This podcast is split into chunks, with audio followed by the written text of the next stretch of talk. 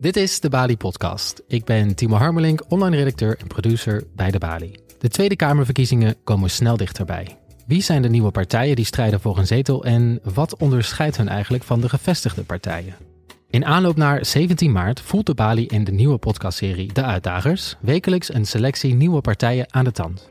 De politieke partij NIDA wil volgend jaar meedoen aan de Tweede Kamerverkiezingen. Er is volgens mij een, een gat op recht, zoals dat heet, eh, een fatsoenlijk alternatief. Een van de nieuwe partijen die mee wil gaan doen aan de komende Tweede Kamerverkiezingen is Volt. De democratie verkeert in zwaar weer. Code oranje dus, vinden de oprichters van een nieuwe politieke beweging. Dus uh, de verkiezingen komen er weer aan. Uh, we gaan weer een poging doen. Met vandaag Richard de Mos van Code Oranje.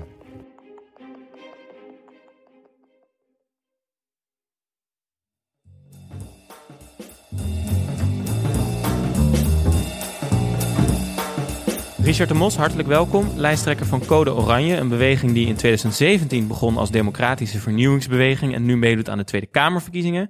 U bent de voorman van Groep de Mos, de grootste partij in Den Haag. U was wethouder, uh, maar er was een inval bij u door het OM en u wordt ervan verdacht dat u tegen betaling vergunningen had geregeld voor bevriende ondernemers en uh, daarom was uw wethouderschap voorbij. Uh, u heeft nu een bonte stoet mensen verzameld. Tania Hoogwerf van Leefbaar Rotterdam, Wil van Soest van de Oudere Partij, advocaat Peter Plasman zijn allemaal verbonden aan Code Oranje. En vandaag gaan we het over uw plannen hebben. Het is nog een paar weken. Sinds deze week staat u in de peiling van Maurice de Hond weer. Uh, vol goede moed, denk ik. Ja, we zijn zeker vol goede moed. En we, ja, het netwerk aan lokale partijen, het Nederland het lokaal, wat onze gedachte is, uh, slaat uh, enorm aan. En wij hebben heel veel vertrouwen dat wij een aantal zetels gaan halen bij ja. de Tweede Kamerverkiezingen. Nou, gaan we het allemaal over hebben. Maar eerst een paar korte stellingen om u en uw partij wat beter te plaatsen. klaar ervoor? Ja hoor. Jawel, toch? Ja. ja. Code Oranje springt in het gat tussen PVV en VVD. oneens. Ik snap dat mensen kunnen denken dat ombudspolitiek vriendjespolitiek in de hand werkt. Eens. Als politicus moet je tegen je eigen achterban in durven gaan. Eens. Code Oranje, Nederland beter, ja 21. Eigenlijk had het één grote beweging moeten zijn. Oneens. Wie verdacht wordt van strafbare feiten zou niet op nummer 1 bij een politieke partij moeten staan. Oneens. Code Oranje hoopt de meeste stemmers weg te snoepen van. Iedereen. Van iedereen, ja, dat dacht ik al. Hartelijk welkom, fijn dat je er bent. Uh, ja, Code Oranje is begonnen als democratische vernieuwingsbeweging, hè? Uh, maar nu ook met uw komst en omdat de verkiezingen eraan komen met standpunten. En, en ik, ik, ik las de agenda, de basis 11, en toen dacht ik, dat is rechts op identiteit en immigratie en links op zorg bijvoorbeeld. Klopt dat beeld een beetje? Nou, het beeld klopt dat het uh, van, van beide is. Want wij willen af van uh, links-rechts denken. Wij uh-huh. vinden dat als Code Oranje echt een, een denken uit de vorige eeuw. Uh, met stromingen die in de vorige eeuw allemaal zijn ontstaan. Liberalisme, so, sociaal, het socialisme. wij willen gewoon problemen voor Nederland oplossen. en of dat nou in linkse of rechtse hokjes in te delen valt, dat vinden wij niet zo interessant. Dus wij hebben vooral die basis 11 samengesteld op basis van de problematiek die er in Nederland is. Ja, ja het is natuurlijk ook kiezers die, die kennen u. U bent een bekende naam. U komt van de PVV af. Uh, daarom ook de stellingen, hè? we zitten tussen PVV en VVD. Toch ja. zei u, daar ben ik het niet mee eens. Ja, dat klopt, omdat wij uh, in Den Haag uh, hebben laten zien dat wij een, ja, de grootste partij van Den Haag zijn geworden. Met mensen van heel diverse pluimage. Mensen die or van origine uit de linkse of een rechtse hoek komen. Ja, die hebben wij samengebracht. En dat vind ik juist interessant van wat Code Oranje aan het doen is. Dat je mensen uit verschillende spectra bij elkaar brengt. Ja. Peter Plasman, die zal bijvoorbeeld nooit bij de PVV gezeten hebben. Uh, dat heb ik wel. Uh, en we hebben elkaar toch uh, gevonden door goed debat, goed overleg. klimaatalarmist, zo wordt hij gezien, Ruud Kornstra en klimaatskepticus Richard de Mos. Die zouden niet per definitie samen op een lijst staan. Dat doen ze toch, omdat we het met elkaar eens zijn geworden. door met elkaar te praten, het debat weer terug te brengen. Een gemis trouwens in de politiek. Als je de huidige Tweede Kamer ziet, is vooral een wedstrijdje verplassen. in de stellingen blijven hangen en niet tot debat komen. En ook niet tot overeenstemming komen. Waarmee we dus ook geen probleem in Nederland oplossen. Tegelijkertijd, als we misschien kijken van een afstand. Ik, ik, zit niet elke dag in Den Haag, in de Haagse gemeenteraad. Maar uh, als je dan kijkt naar moties waar jullie op instemmen. Want hè, je zegt, uh, interessant had bij politieke partijen om te kijken hoe stemmen ze. Wat doen ze bijvoorbeeld? U, u, u, uw partij stemde voor een motie dat mensen die het Nederlands niet beheersen geen uitkering moeten krijgen. Ja. Dat de woningnood veroorzaakt wordt door een enorme bevolkingsgroei van voornamelijk kansarme allochtonen. Dat klinkt nogal PVV, toch wel? Nou, dat was ook een PVV-motie. En wij hebben met die, die, laatste eh, meegestemd vanwege het feit dat wij eh, ons zorgen maken Ja. over bevolkingsgroei. En dat zegt niet alleen de PVV, dat zegt bijvoorbeeld ook oud-hoofddemograaf Jan Latte van het Centraal Bureau Ja. voor de Statistiek. Als wij niet over bevolkingsgroei gaan spreken, de gevolgen daarvan, hebben we een heel groot probleem in Nederland. En het absorptievermogen in de grote steden is bereikt. Woningnood, eh, radicalisering, criminaliteit, tekort aan leraren, agenten, eh, nou ga zo maar door. Wij moeten over bevolkingsgroei en de gevolgen daarvan spreken. Willen wij het in leefbaar, eh, willen wij een leefbaar Nederland houden. Dus dat is ook weer niet links of rechts, want het zijn vaak Fatima en Ahmed die de gevolgen van de bevolkingsgroei mogen betalen. Het zijn de zwakke wijken die, die de nieuwkomers krijgen. En de nieuwkomers zijn vaak kansarm, laaggeletterd, niet geschoold. En dat is een probleem. En dat probleem moeten we bespreken, willen we het kunnen oplossen. Code Oranje begon als een vernieuwingsbeweging. Hè? Hoe kunnen we nou de, de, nou ja, de, de constatering was, democratie is een beetje dichtgetikt. Eh, u zei net ook in de Tweede Kamer, dat is een wedstrijdje verplassen geworden. We moeten iets anders doen. Ja. En nu is het een politieke partij geworden met standpunten. Dat betekent ook dat er mensen zijn die daar in het begin aan meededen, die zeggen, ja, dat is niet helemaal onze partij meer. Ik geloof de burgemeester van Maastricht, die, die is eh, niet meer betrokken. Herman Wijfels, ik las in NRC, is ook niet meer erbij betrokken. Nee, die had iets met, met mij geloof ik. Ik geloof dat Herman Wijfels zei dat hij nog steeds een, eh, de beginselen eh, ondersteunt.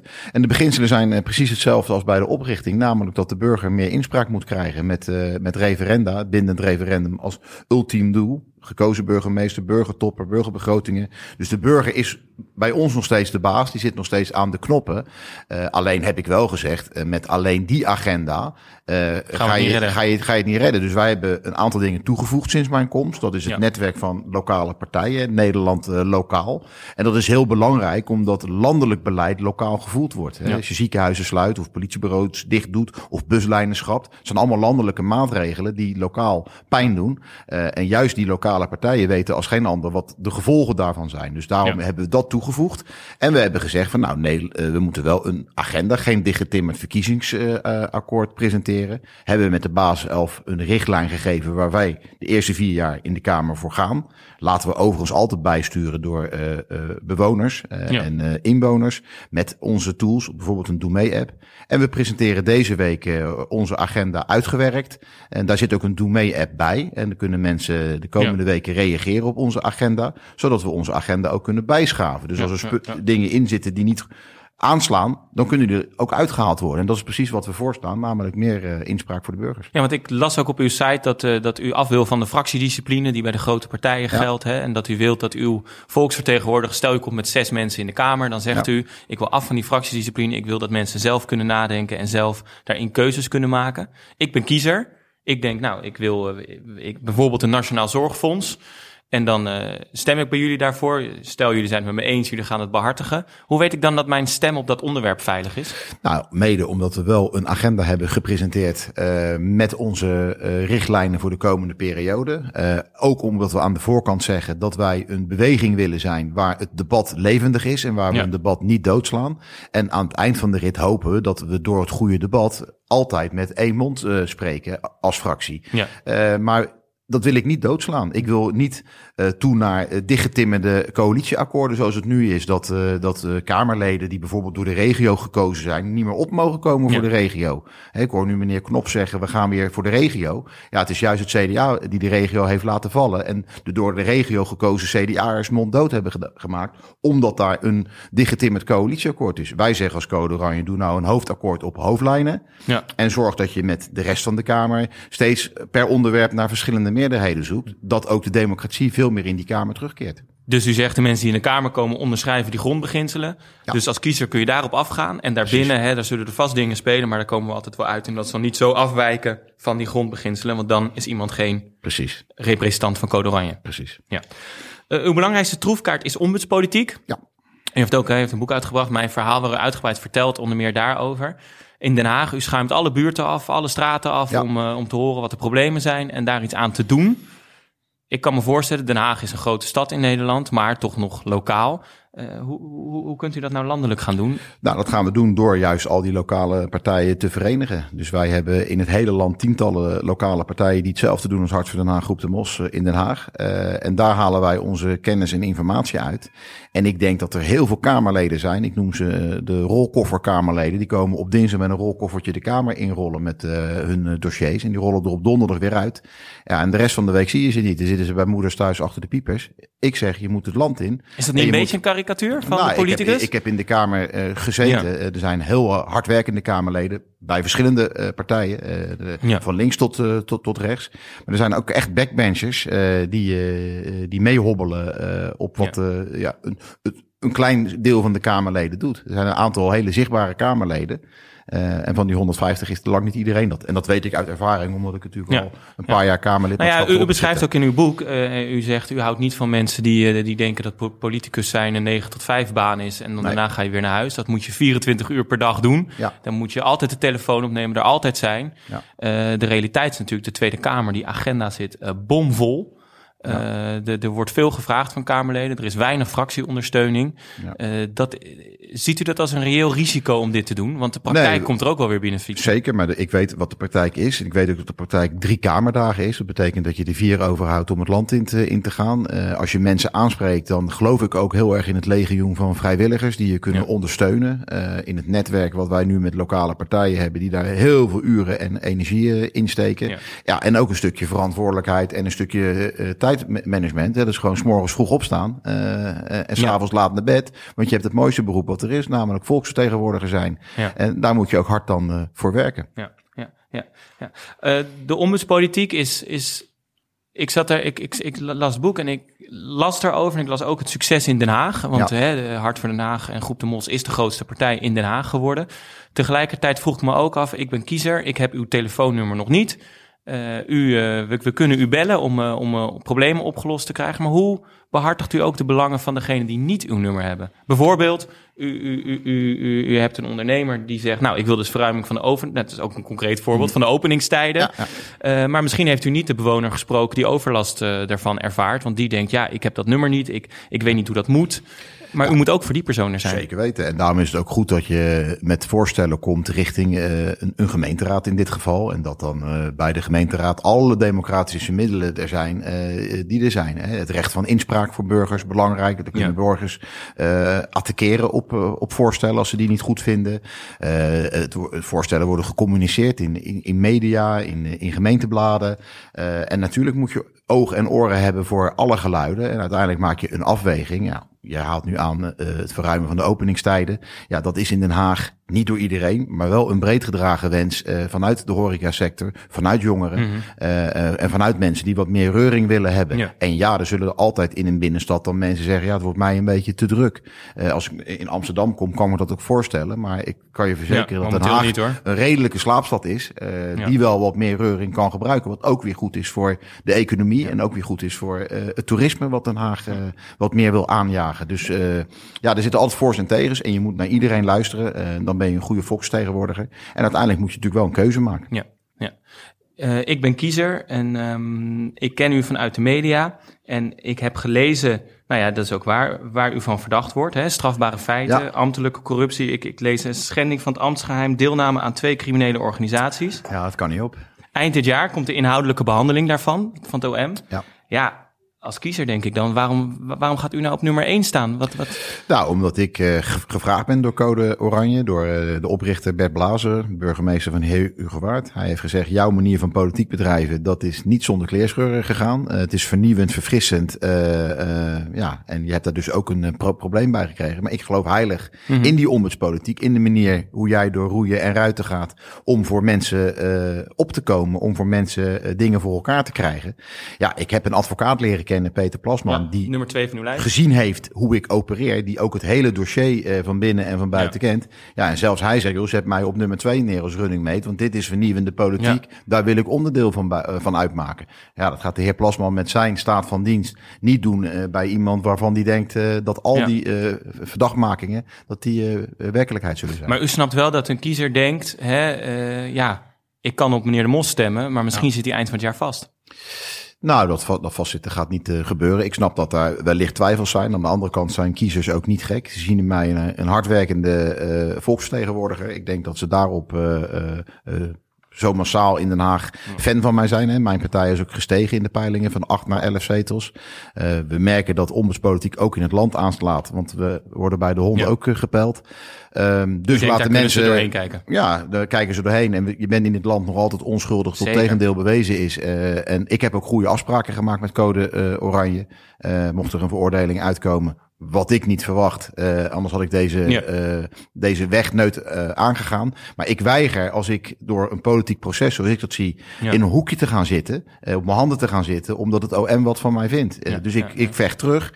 Ik vind dat ik een goede manier van politiek bedrijf, die ombudspolitiek. En daar sta ik voor. En dan ga ik dus ook, ook verder met mijn strijd. En ik hoop dat heel veel mensen zien dat dat verfrissend is. En dat we een stem kunnen re- realiseren tegen de gevestigde orde. U, u heeft ook in uw boek uw verhaal daarover gedaan, hè? Zeker. Vanuit het dossier. Maar het is natuurlijk, eh Nederland is een klein land. Dit verhaal komt terug. U weet ook, u fietst hier naartoe. Ja. Of u, nou, u bent niet hier naartoe gefietst ben naar met Den de Haag met de auto. Dan weet u ook, daar zullen wel weer vragen over Ja, komen. zeker. En dat geeft ook niks, want die, die beantwoord ik graag. Ik heb met mijn verhaal eh, via het boek eh, van de mos.nl te bestellen, heb ik eh, een, een, boek erover geschreven. En laat de kiezer, en dan ben ik heel open en, en transparant. En laat de kiezer en, en de lezer maar oordelen wat ze van mij vinden. wat- Willen, ze, willen ze een volksvertegenwoordiger die door roeien en ruiten gaat, die echt met zijn poten in, de, in, in de modder staat, die echt keihard wil werken om Nederland eh, te verbeteren, dan moeten ze op mij stemmen. En, Maar wat gaat u ze anders doen, zodat het in de Tweede Kamer niet terug gaat komen? Ja, wat ga ik Want u zult dan weer gebeld worden. Ja, u u ik- zult dan weer zeggen, Ik- eh, u gaat uw politiek niet veranderen. Nee, ik, ik moet dit eh, traject door. en ik hoop nog steeds dat het OM ziet dat ze de zaak moeten seponeren. en zo niet, dan komt het voor. En heb ik heel erg veel vertrouwen in een goede afloop en in, in de rechterlijke Ja. macht. Dus Nee, maar, nee, maar u, u Maar zou, ik ga u zou niet- ook tegen de kiezer kunnen zeggen... ik heb de banden verbroken met al die mensen gewoon om ja, u- waarom? Waarom? Omdat, Dat heeft u omdat, niet gedaan. Omdat het OM zegt dat eh, iemand eh, die notabene lid is van eh Hart voor Den Haag sinds 2014, eh, die is bij mij gekomen, dat heb ik het over de heer Akjol, die Ja. bij mij gekomen is. Van Zalencentrum Opera. Van het Zalencentrum. Die is bij mij gekomen omdat hij geen fiducie heeft in het gemeentelijk beleid. Hij heeft gezien eindelijk een partij die wel opkomt voor MKB'ers. Eh, vervolgens zet ik dingen in mijn verkiezingsprogramma. Ja, en heel gek, dan ga ik dat als wethouder, als ik het in de coalitieakkoord krijg, ga ik het als wethouder nog uitvoeren. Ja, misschien is het nieuw in Nederland om eh, te doen wat je beloofd hebt. Eh, maar ik vind dat heel normaal. En een van de beloftes was, als Hart van Den Haag in een college komt, met notabene drie partijen erbij die dit ook een goed Mm. idee vonden, dan gaan we die nachtontheffingen verlenen aan Zalencentra. ja, ja, en ja. daar zat een donateur van de Mos bij. Maar nog eh, drie andere Zalencentra hebben diezelfde nachtontheffing gehad. Die hebben niet gedoneerd en die hebben het ook gekregen. Dus een generieke maatregel die de stad een beetje leuker maakt. Maar goed, eh, wij, wij doen deze podcast voor de kiezer. Hè? Die Zeker, moet en weten ik- wat eh, krijgen als iemand de Kamer er in gaat. nee, ja, maar u, u zit dan in de Kamer. En eh, de andere partijen, die, eh, u, eh, er wordt iets besloten of er komt een voorstel, dat gaat ergens over. U zegt, nou, ik heb een ondernemer gesproken. Het eerste wat gaat komen, is dat iemand zegt, oh, Richard de Mos heeft weer een ondernemer gesproken. Ja. Daar heb je het weer, cliëntelisme. Nee. Dan, dan moet u toch iets anders gaan doen om Nee. daaruit te komen? Nee, of zegt u, dat accepteren ze maar? Juist niet, want ik, ik ben heel blij dat ik ondernemers spreek. Ik wou dat, dat meer volksvertegenwoordigers dat deden. Dat ze de oor en de, te- te luisteren leggen bij mensen die het weten. Hè, ik heb in mijn eh, agenda ook geschreven, er moet een groeiagenda komen voor de periode na corona. Ja. Eh, met een schaduwkabinet van ondernemers. Eh, die moeten dat samenstellen. Minder regels, lagere lasten? Het zijn niet de, de politici die weten hoe, hoe het MKB hier opereert. Notabene de kurk van de, de Nederlandse economie. Eh, dat is de ondernemer. En daar moet je naar luisteren. Daar moet je beleid voor maken. Je moet de belangen van die ondernemer behartigen. En dat is bij heel veel mensen heel vies. Maar iedereen die doet ze de belangen behartigen. Eh, de Partij van de Dieren neemt het op voor eh, dierenactivisten. Eh, de Partij van de Arbeid, wat er van, van over is, neemt het op voor, voor, voor de welzijnsindustrie. En zo heeft iedere partij een achterban. En mijn partij heeft een hele grote achterban van ondernemers. Omdat die ondernemers zich bij de VVD niet meer gehoord voelen. Die neemt het op voor de multinationals. Maar het verwijt natuurlijk Dat is het- sms'je kwijt van de Unilever. We bellen meneer Richard de Mos en die gaat het wel regelen. Die gaat het regelen, ja, hopelijk wel. En dat is ook een hele mooie, mooie quote van uh, Hart voor Den Haag, dat wij het regelen. Het is toch prachtig dat volksvertegenwoordigers ook dingen regelen. Het zal wat mooi zijn dan... Als dat natuurlijk op de goede manier gaat. Absoluut. En uh, nou goed, ik ben ervan overtuigd uh, dat dat altijd op de goede manier is gegaan. En ja, dat ik luister naar ondernemers en naar alle andere bewoners van het land. Ja, dat vind ik alleen maar een, een groot goed, wat ik heel veel politici toewens. Ja ja, ja, ja, ja. De verkiezingen zijn over een aantal weken. U, u staat nu op één, op één zetel in de peilingen. Nou, u hoopt natuurlijk dat dat er veel meer gaan worden. Wat is nou het eerste wat u um, gaat indienen? Welke motie, welke wet? Wat wilt u als eerste in de Tweede Kamer voor elkaar krijgen? Nou, als eerste is natuurlijk het doordrukken waar nu goede stappen zijn uh, gezet. Compliment aan de heer Van Raak van de SP.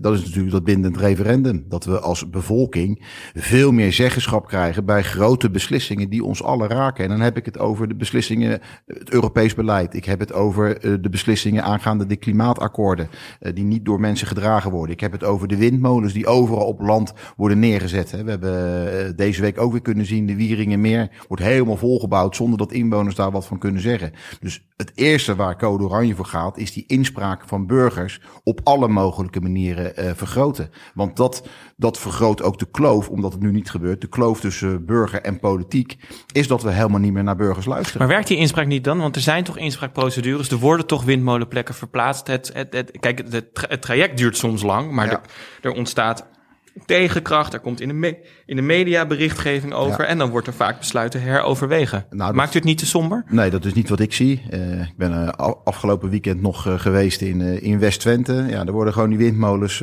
pal voor de deur van de mensen neergezet. Dat noemen ze dan participatie. Mensen mogen even zeggen dat ze tegen zijn. En vervolgens gebeurt het toch. Ja, dat noem ik geen participatie. Mm -hmm. Als je goede participatie hebt, dan worden de besluiten genomen pas nadat je geparticipeerd hebt. En je komt niet met een plan en dan ga je nog even de, de burger mm. om een mening vragen. Hier in Amsterdam uh, langs het ei, precies hetzelfde. Ja. Uh, de windmolens worden neergezet. Uh, ja goed, mensen hebben hier wel massaal GroenLinks gesteld en dan krijg je GroenLinks beleid. Maar pal voor iemands deur op 200 meter, een, een gigantische windmolen voor ja. de deur.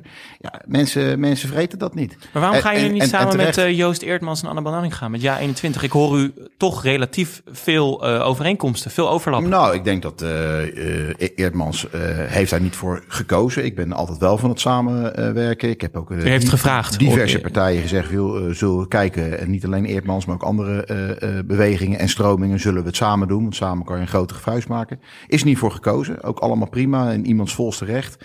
je ziet wel dat Eerdmans toch in de oude hoek gaat denken. Namelijk het, het, conserv het conservatief zijn.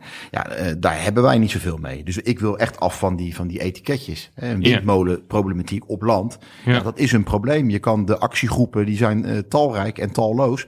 Uh, daar moet je dus naar, uh, naar luisteren. U en, werkt naar net zoveel liefde samen op dossiers met GroenLinks als met eh, PVV, als met ja, Precies, vind het hele goede Partij voor de Dieren. Dat je, dat je, dat stelt. Wij willen met iedere partij samenwerken, zolang het belang van, van Nederland daar beter van, van wordt. En ik vind het uitsluiten van partijen ja, ik, vind het bijna, ik vind het bijna een blamage voor de democratie. Uh, uh, je laat eerst de kiezer aan het woord. En dan ga je daarnaar kijken. En het, natuurlijk, met de ene partij mm. zal het lastiger gesprek zijn dan met de andere mm. partij. Uh, maar het uitsluiten vind ik, vind ik echt ja. not, not done. Maar echt... het verbaast mij dan toch, want in uw boek, u beschrijft de praktijk van het besturen in Den Haag. Ja. De praktijk van de gemeenteraad. En, en terwijl ik het las, kreeg ik soms een beetje het gevoel van... het is ik tegen de rest. Terwijl u zult als u in Den Haag iets wil, eh, dan krijgt u partijen waar u mee wil samenwerken, waar u iets wil mee doen. Hmm. Maar in Den Haag is dat, nou in het begin ging het goed, maar uiteindelijk bleek toch die krachten eh, vrij dominant te zijn. GroenLinks, PvdA, die, ja. die gunden u uiteindelijk niks. Nee.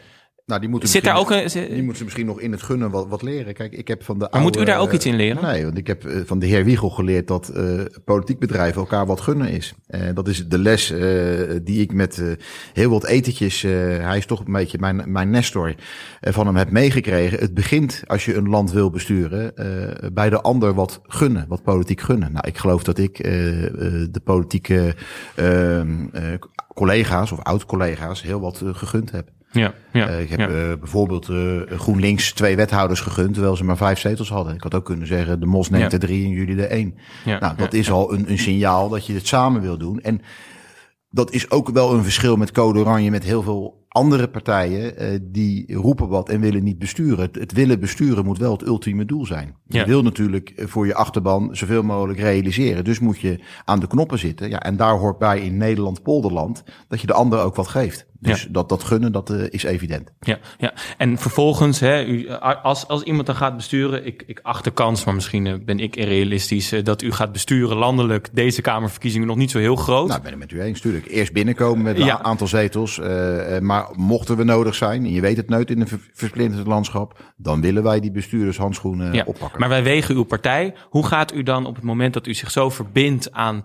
de, de, de Doe Mee-app, aan de burgers die plannen hebben, hoe gaat u die dan meenemen op het moment dat u een andere keuze maakt? Nou, in het is- compromis? Dat is bij, bijvoorbeeld om die hele eh, formatieperiode, die nu allemaal achter eh, gesloten deuren plaatsvindt, met radiostiltes, eh, om die eens even transparant te maken. Van wat, wat zijn nou de stappen in een formatieproces om nader tot elkaar te komen? En, en eh, is het dan nog wel eh, klare wijn die je, die je schenkt? Mhm. En als dat niet zo is, moet je het niet, niet doen. Dus, dus daar kan je ook je achterban in consulteren. Van dit ligt ervoor, eh, wat vinden we eh, daarvan?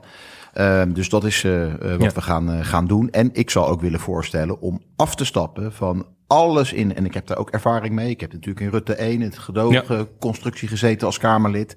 Timmer niet alles dicht. Maak een akkoord op hoofdlijnen en zoek in de Kamer continu verschillende meerderheden. Ja. Dat ook het debat echt terugkeert in de Tweede Kamer. Dat- Nu heb je coalitie-oppositie, coalitie-sluiterijen. Ja, en de oppositie kan weinig voor elkaar ja, krijgen. En dat is een gemiste kans op heel veel eh, dossiers. Tot slot, een van de stellingen was: ik snap dat mensen denken dat mijn ombudspolitiek vriendjespolitiek in de hand werkt. Dat is het woord. Zeker mensen vragen Richard de Mos interview en dan komt het woord cliëntelisme en Ja. vriendjespolitiek vaak langs.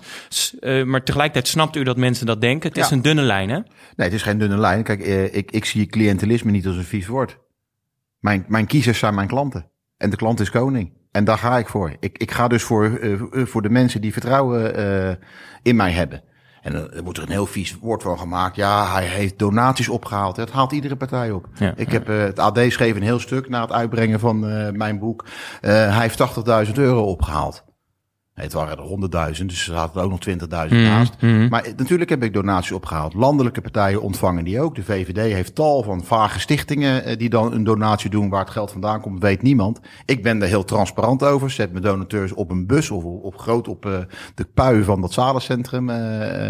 en lokale partijen ontvangen geen eh, subsidie. En willen we wedijveren met landelijke partijen die die subsidies wel krijgen. Voor scholing, voor wetenschappelijke bureaus, voor jongere organisaties. Dan moet ik bij de middenstand, bij mijn achterban, eh, eh, proberen om wat donaties op te halen. Nou, gelukkig, eh, vriendjespolitiek, Ja. hebben we veel vrienden in Den Haag. Hadden we veel donateurs en konden we een schitterende campagne neerzetten. Ja. En tegelijkertijd zegt u aan het einde: als ik dan toch groot word, dan zou ik daar wel iets in willen veranderen qua subsidiëring voor die kleinere partijen, Zeker. zodat die niet in deze situatie Zeker. terechtkomen. Zeker. Het, het zal heel goed zijn om het grijze gebied, wat ik natuurlijk ook lesson, lessons learned in het boek. Natuurlijk eh, kan je van deze zaak leren. Trek de subsidieregelingen gelijk tussen landelijke en eh, lokale partijen naar grootte. Nou, lokale partijen zijn groot. 33% van de kiezers stemt bij de gemeenteraadsverkiezingen eh, lokaal. Eh, en zorg ervoor dat je duidelijke regels maakt met het doneren. Wat mag wel, wat mag niet. Nu zie je regelgeving landelijk. Je mag niet doneren boven de 4.500 euro. Nou, onderzoek van Follow the Money en van een telegraafjournalist die erin is gedoken blijkt dat al die landelijke partijen Ja, de regelgeving die er is aan de laars lappen. Ja, en dan gaat minister Ollongren even met die partijen praten. Nou, ik wou dat ze eens met mij eh, gesproken Maar hadden. iedereen mag uw bonnetjes zien de komende tijd. U bent volstrekt transparant over hoe dit volstrekt gaat transparant. Ja, heel veel meer transparanter dan, een- dan een boek eh, erover schrijven kan ik bijna niet, eh, niet zijn. We gaan het volgen. Tot slot, eh, zoals elke partij in deze podcast krijgt u eh 30 seconden om te vertellen waarom mensen op u moeten stemmen. Of eigenlijk op Code Oranje moeten stemmen met u als voorman. U mag. Ja, Code Oranje is eh, een vernieuwingsbeweging die de inspraak terug wil brengen naar de, de burger toe. Eh, dat staat allemaal op codeoranje.nl. Wij willen de burger weer aan, aan de knoppen laten zijn. En we doen dat met het binnen het referendum gekozen burgemeester. Maar gelukkig ook met een heel netwerk aan lokale partijen. Eh, juist lokaal wordt gevoeld welke landelijke maatregelen eh, slecht zijn voor de lokale politiek. En tenslotte hebben we een prachtige basis 11 te vinden op codeoranje.nl. Fantastisch, netjes binnen de tijd. Nog twee seconden. Veel dank en veel Heel succes de komende weken. Richard de Mos. Dit was de derde aflevering van onze nieuwe podcastserie De Uitdagers. Volgende week zijn we terug, dan met Sylvana Simons van Bijeen.